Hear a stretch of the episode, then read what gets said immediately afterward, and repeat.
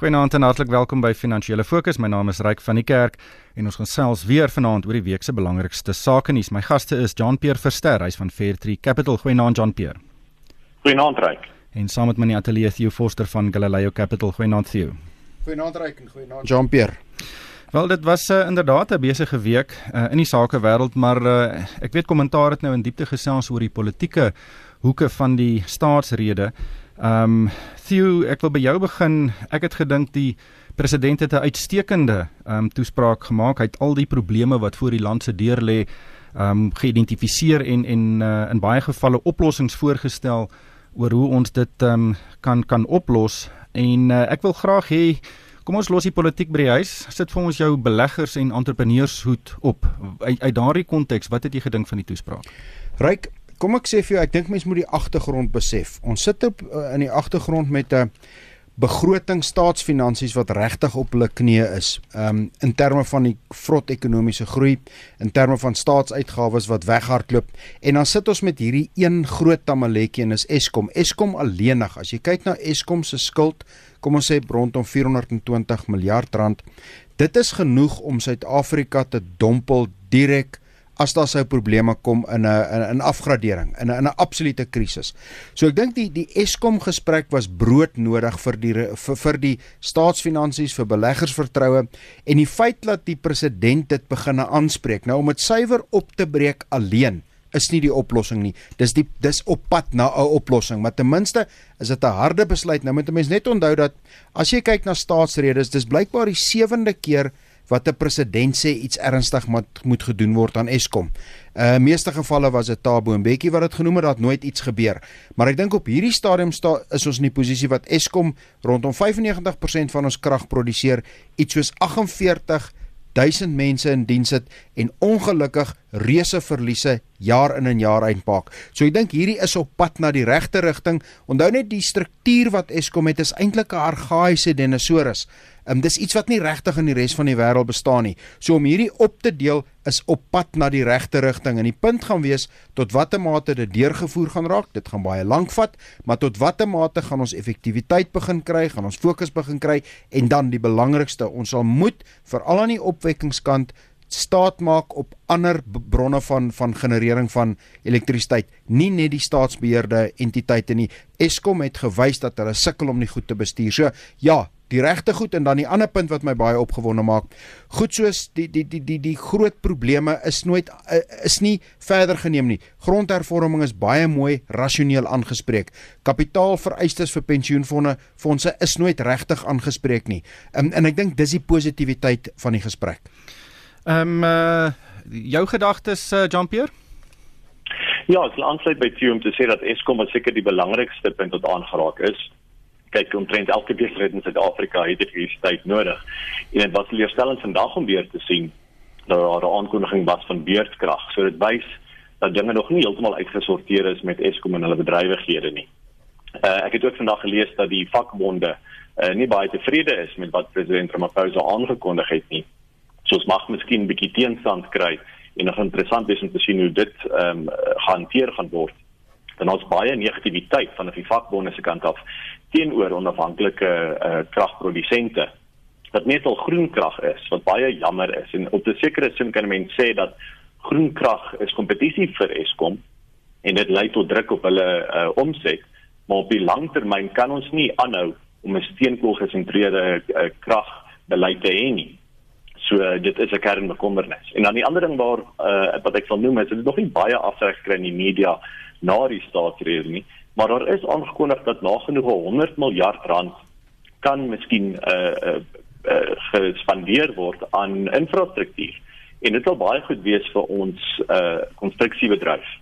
Baie konstruksiemaatskappye was onder ewige druk die afgelope paar jaar en ek sien dat die wêreldbeker in 2010 met 'n paar wat selfs in besigheidsredding ingegaan het dat ons kan begin goeie geld weer spandeer aan infrastruktuur wat goed sal wees vir daai maatskappye en goed sal wees vir werkskepping met ons uitermate hoë werkloosheidskoers kan dit miskien die draaipunt wees en positiewe elemente wees mens kan neem uit die staatsrede uit. Hmm.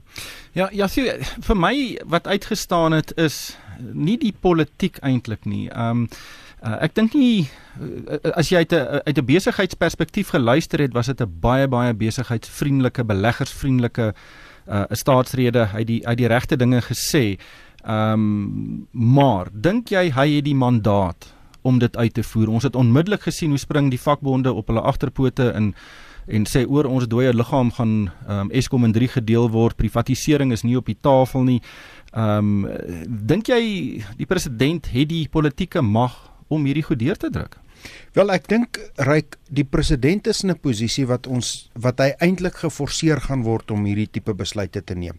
En ek moet jou saamstem, die die toespraak was 'n toespraak van iemand wat verstaan hoe finansiële markte werk, wat verstaan hoe opbrengs werk, wat verstaan hoe risiko werk en dit sit ons al klaar 'n hele pad nader. Die feit dat daar nie eenvoudige oplossings is, dit dit is ongelukkig die geval. Daar is nie in Suid-Afrika 'n maklike oplossing om om ons terug op dieselfde pad te kry nie. Maar ek wil terugkom wat was Jean-Pierre gesê het. Elemente soos kapitaalinvestering, elemente soos om die privaat sektor by te trek en dan as 'n mens baie mooi na van die nuance kyk, daar's duidelik onderskeid gemaak tussen watter staatsinstellings hoort in staatsbeheer en watter staatsinstellings hoort nie regtig in staatsbeheer nie. En ek dink daai gesprek gaan ons verder sien. Die vraag van tot watter mate die president die mag het om dit deur te voer, ek dink ons moet baie mooi dink. Hy het baie duidelik gesê dat ons gaan 'n nuwe administrasie het hê na die verkiesing. En ek dink daar's 'n rede hoekom hy sê na die verkiesing is daar 'n nuwe administrasie. So as 'n mens daai uit aflei, dink ek baie van hierdie moeilike besluite gaan baie sterker geneem word na die verkiesing. Maar of hy die mag het of nie, ek dink ten minste hierdie toespraak het gewys hy verstaan waaroor die probleme gaan en hy het 'n goeie idee waar die oplossings lê.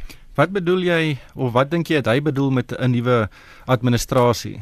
Onthou toe hy die kabinet aangekondig het verlede jaar hierdie tyd en hy het enkele veranderinge gemaak. Het hy duidelik gesê dat hierdie is 'n interim kabinet, dis 'n tydelike kabinet. Op hierdie stadium dien president Cyril Ramaphosa Jacob Zuma se derde se tweede termyn uit. Hy het nog nie sy eie termyn nie. Hy het nog nie by die stembus 'n mandaat gekry nie. Daai mandaat gaan krities vir hom wees om te doen wat hy wil doen. Maar gaan hy 'n knipmes inlê of 'n panga? Dit hang af as hy dit hang af hoe sterk sy mandaat is. As hy 'n mandaat kry van rondom 60%, gaan dit 'n pang panga wees. Ek dink hy wil dit graag doen. As jy hier uitkyk om hierdie goeders reg te kry, gaan hy in 'n sterk posisie moet wees. En ek dink hy gaan baie sterk sy kaarte probeer speel om hierdie goed wel gedoen te kry van 'n swaar, diep besluit en hy het ook so aangespreek. Ja. John Pierre, uh, ons het ook hierdie week die die mynbou in Daba gesien. Dis natuurlik die grootste vertoonvenster van ons mynboubedryf. Uh dis daar was al 25 van hierdie um, Indabas en na kom uh, mynbase en en en uh mynkenners van reg oor die wêreld, mynbeleggers ook hier in Suid-Afrika om te kom ek nie net seker vakansie hou in die Kaap nie, maar uh ook om te sien wat ons mynbedryf aangaan. En vanjaar was die eerste keer dat die president ook hierdie geleentheid toegespreek het. Die eerste keer ooit en uh die die die lokaal was te klein. Hulle moes nog 'n lokaal vinnig regmaak met televisie sodat mense sy um toespraak kon sien. Um en hy het ook uh, weer eens gesê luister Suid-Afrika is oop vir besigheid. Ons gaan die on, die um beleidsonsekerhede uit die weg ruim. Um maak asseblief julle potlode skerp en en begin slank checks teken. Uh, wat wat is uh, wat is jou indrukke van van wat daar by en daarby uitgekom het? Ja, baie positief. Uh, ek dink as 'n belegger uh, ryk Dit is ook altyd belangrik om die verskil te weet uh tussen om skepties te wees en om sinies te wees. Ons kan baie maklik sinies wees en sê dit is maar net nog 'n politikus wat probeer mooi praat en probeer om beleggers te lok na die land toe. Maar as mens dit uh, terugneem maar liewer na 'n skeptiese benadering en dit meer balanseer, so ek sê dat ons kan skepties wees en sê ons wil wag en sien wat nie net die nuwe president nie maar ook die nuwe minister Korimantashe wat relatief nie is. 'n jaar terug het ons nog vir minister Zwane gehad in in die mynbouwese portefeulje. Ons wil daadwerklike verandering sien. En uh, president Ramaphosa is maar net een persoon so dit gaan belangrik wees om te sien dat soos wat hy hierdie panga aanlees wat hy vroeër genoem het hopelik nog mense van sy span sal inkom en dan daadwerklike veranderinge bring. Maar alreeds die die stemtoon wat daar geheers het was baie meer positief, baie meer beleggersvriendelik. En uh, mens kan ook sien die afgelope paar maande op die JSE die mynboumaatskappye se aandele baie beter gevaar. Uh veral uh, die platinummyne. En dit is op die rug van palladium wat baie sterk gestyg het die afgelope ruk en die myne wat beide uh, platinum en palladium produseer en baie goed gedoen van hulle aandele soos uh, Amplats se aandele selfs verdubbel die afgelope jaar. So dit wys dat die mark sê vir ons dat daar is 'n verwagting dat nie net in die platinum mynwese nie, maar ook in goud, uh, ystererts as gevolg van wat met die Bali situasie in in Suid-Amerika gebeur het, die die groot tragedie daar dat 'n klomp van ons Suid-Afrikaanse myn mynboumaatskappye baie beter voet is. Die omgewing is baie beter vir hulle, beide van die pryse wat hulle kry vir hulle metale uh, as ook die politieke omgewing en die beleggersvriendelike omgewing en die WC begin al klaar daai meer positiewe uitkyk vir skoonteer in die pryse soos wat ons onlangs gesien het. Sjoe. Ja, vir my was dit 'n paar interessante goed. Ek wil net twee uitlig. Ehm um, Gwede Mantashe, ehm um, wat die minister is soos Jean-Pierre genoem het, het gepraat dat dat ons het gesien wat gebeur as die regering en die sektor vyande is van mekaar. Dan gebeur niks nie. En dan moet 'n manier kom wat die regering en die mynbousektor nie beklei nie. Hulle hoef nie vriende te wees nie, maar hulle moet ten minste nie beklei nie. En ek dink dis belangrik, maar dan het maak Tifani die die hoof van Anglo American 'n baie interessante ontleding gedoen. En ek gaan nou 'n paar syfers noem so ek moet so 'n bietjie konsentreer. Hy het gesê vir elke 100 dollar omset wat 'n mynbou maatskappy verdien, is die verdeling rofweg as volg. Die die die die werkers kry omtrent 35 dollar, die koste is 34, regering 24, maar die aandeelhouer kry net 7 dollar uit die 100 uit. En dis die belangrikheid. Die res word verdeel tussen die tussen die regering, tussen die werkers en koste, maar arbeid kry net 7 dollar. So die vertrekpunt is wil jy na, nasionaliseer daarvoor. Dat ons net bietjie gesels ek ek weet net 100 dollar omset. Dit is die ja. geld wat jy kry as jy jou goud ja. verkoop byvoorbeeld. Ja, jy maar jy jy het 100 dollar se goud verkoop, dan kry die aandeelhouers net 7 dollar daarvan. Die aandeelhouers kry net 7 van die 100. Van daai 100 het die werknemers 35 gekry en die regering 24. Dis die verdeling. So nou wil jy volgens hom sê maar hierdie 7 dollar wil die regering probeer vat. Terwyl die regering het 'n bewese rekord dat hulle kan nie kapitaalprojekte bestuur nie. Die belastingbetaler, ek en jy wil nie daai risiko neem nie. Ek sal gemaklik wil hê dat aandeelhouers wat in Anglo American of enige mynbou sektor daai risiko neem want van hulle gaan nie eers werk nie. So hoekom moet die moet die regering nog daai 7 dollar se risiko ook vat? Die regering kry, kry in elk geval 24 dollar en die werknemers het in elk geval 35 dollar gekry van die 100. Ja, ek uh dit is dit is eintlik 'n baie interessante som wat jy doen. Ek wonder of dit makliker is om 'n lugdiens te be, te bestuur as om 'n myn te bestuur. Wel ek kyk as jy nie 'n lugdiens kan bestuur nie, weet ek of jy jou myn moet probeer bestuur nie. Jean-Pierre, iets wat vir my ook uitgestaan het is ehm um, is daar 'n bittermin eksplorasie in Suid-Afrika gedoen word. Myne het 'n 20, 30 jaar lewensduur en dan is hy nou uitgemyn. Ehm um, en as jy nie eksplorasie doen nie, gaan daar nie nuwe myne by nuwe neerslae wees nie. Uh neem jy dit enigins in jou formules hoe jy oor beleggings dink uh, in ag? Wel die eksplorasiemaatskappye self sal definitief van ag neem en veral met onteiening sonder vergoeding uh gaan niemand begin eksploreer en begin miljoene rande spandeer om te soek vir minerale en al ander um uh uh mynwese produkte as daar miskien 'n kans is dat dit uh onteien gaan word. Ehm um, so dit is iets wat die maatskappye self in ag neem. As 'n belegger moet ek eerlik wees dat uh, eksplorasiemaatskappye is bietjie te vroeg in die siklus uh vir my risikoprofiel. Uh baie van hulle kan baie goed doen of hulle kan niks vind nie en dan letterlik niks werd wees nie. En as ek kan spring na daai volgende onderwerp ry wat miskien is die rigting waarin jy beweeg het. Ons het daarom gesien dat een eksplorasiemaatskappy het 'n goeie uh, bevinding gemaak hierdie afgelope week. Hy wil totaal het die brilpad daar gasveld gevind uh in die uh, oseaan so 170 km tyd van Mossel Bay.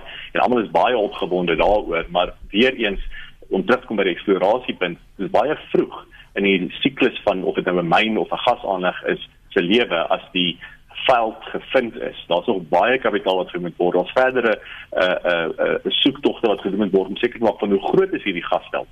Daar is honderde miljarde rande se kapitaal wat teen teen nog ingesink moet word in van die rotste see wat daar is in die wêreld. So daar's nog baie water letterlik wat onder deur die brug moet vloei voordat ons enige voordeel kan sien van of dit nou die Wildpad gas aanleg is of ander eksplorasiemaatskappye beide uh, in die binneland en uh, net af van ons kus. Ja, ek dink is ongetwyfeld ook die mooiste naam vir enige gasveld in die wêreld. Ek weet nie hoe hulle by Brilpadde uitgekom het nie, maar ek dink is pragtig. Uh Sien, is dit 'n uh, is dit 'n bedekte seën? Is dit 'n seën vir Suid-Afrika? Die wêreld se geskiedenis wys nie altyd dit is altyd die geval nie. Ja, ek dink kyk, ek dink dis positief, maar die kwessie is wat is daar onder? Hoe moeilik dit is? Dit is 4 km onder die seeoppervlak en 175 km in die see in soos wat Jean-Pierre sê moeilike kusomstandighede. Nou moet 'n mens onthou dat olie wat gemyn word nie binne 'n 'n gereguleerde omgewing. Kyk maar na Suid-Amerika, Midde-Ooste, Afrika. Dit gaan kan Bosasa laat lyk na 'n kinderpartytjie. Olie veral in opkomende markte, veral in tweede en derde wêreldlande, gaan te gewoonlik saam met verskriklike kontantvloei en verskriklike groot um bedrog en en en en oneerlikheid en agteraf transaksies. So ek dink hierdie moet baie baie mooi ontleed word, baie mooi gestruktureer word en my aanbeveling sal wees as hierdie uh, olievelde wel haalbaar is, as dit tot op 'n punt kom waar dit bankbaar is wat mense transaksies kan doen, dink ek ons moet regtig gaan kers opsteek by die by die skandinawiese lande gaan kyk presies wat hulle gedoen het en ja, uh, meneer Lula van Brasilië is nou wel in die tronk, maar gaan kyk na wat hy gedoen het met sy olievelde en tot watter mate jy dit kan aanwend vir die reg van die mense. So ek dink hierdie is 'n dis baie goeie die, uh, uh, ding wat ge, wat gebeur is wat gekry is, maar dit gaan 'n lang pad wees om dit te kry dat ons werklike voordele kry en daar's baie baie risiko's as jy dit verkeerd doen. Ja, uh, Lulu de Silva het natuurlik uh, gasveld se inkomste in 'n spesiale trust geplaas wat net gebruik is om onderwysprojekte in Brasilië te finansier. Uh, ek weet nou nie wat skeef geloop het later nie, maar dit was 'n baie goeie idee en dit het, het baie goed gewerk ook. Ehm um, Jean-Pierre net laastens ehm um, die openbare beleggingskoöperasie bly in die nuus en nou hierdie week uh, het ons nou weer gesien dat daar aantuigings is oor die 4,3 miljard rand belegging wat die OBK in Ayo Technologies gedoen het. Ehm um, nou Ayo Technologies is 'n natuurlike besigheid van Dr. Iqbal Survey wat deel is van die Sequoiale groep. Um, en hy bestuur ook verskeie koerante en daar word aantuigings gemaak dat hierdie 4,3 miljard rand onbehoorlik gemaak is en dat die OBK nie die regte prosesse gevolg het nie. Nou is daar 'n taamlike bekgeveg tussen verskeie mediagroepe oor wat daar aangaan. Wat is jou siening van van hierdie situasie? Ja, dit is altyd uh, moeilik om om te krities te wees met mense wat inkoop by die uh, by die vadervol. Dit is basies wat mense doen as 'n mens uh, Dr. Iqbal se by aanvat. Maar ek het gekyk na die Sagarmata uh, notering dit sou plaasvind uh, rowweg uh, April laas jaar en dit was so so tussen twee openbare vakansie daar gewees en ek kon sien dat dit was absoluut belaglik geweest. Dat glad nie die waarde wat aan Sagarmata ge, geheg was nie. Ek het nie gekyk na eie nie want dit was weer eens 'n besnaakte tydstip oor 'n Desember vakansie wat dit genoteer het. Toe ek uiteindelik daarna kyk uh, aan die begin van 2018 wil ek baie graag die aandele kort verkoop. Ek is 'n verskansingsbestuurder en deel van my werk is om te soek as aandele verskriklik duur is om dit te probeer leen by 'n huidige aandeelhouer en dit kort te verkoop. En ek kon net nie my hande kry op enige eie aandele om te leen kort te verkoop en geld te probeer maak uit die totale oorwaardasie van eie nie.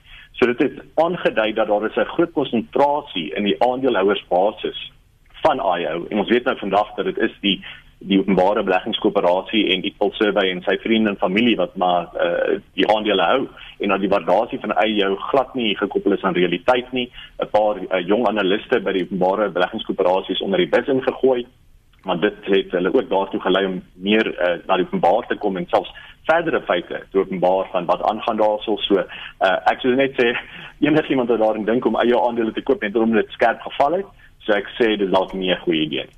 Theo, ek stem heeltemal saam met Jean-Pierre.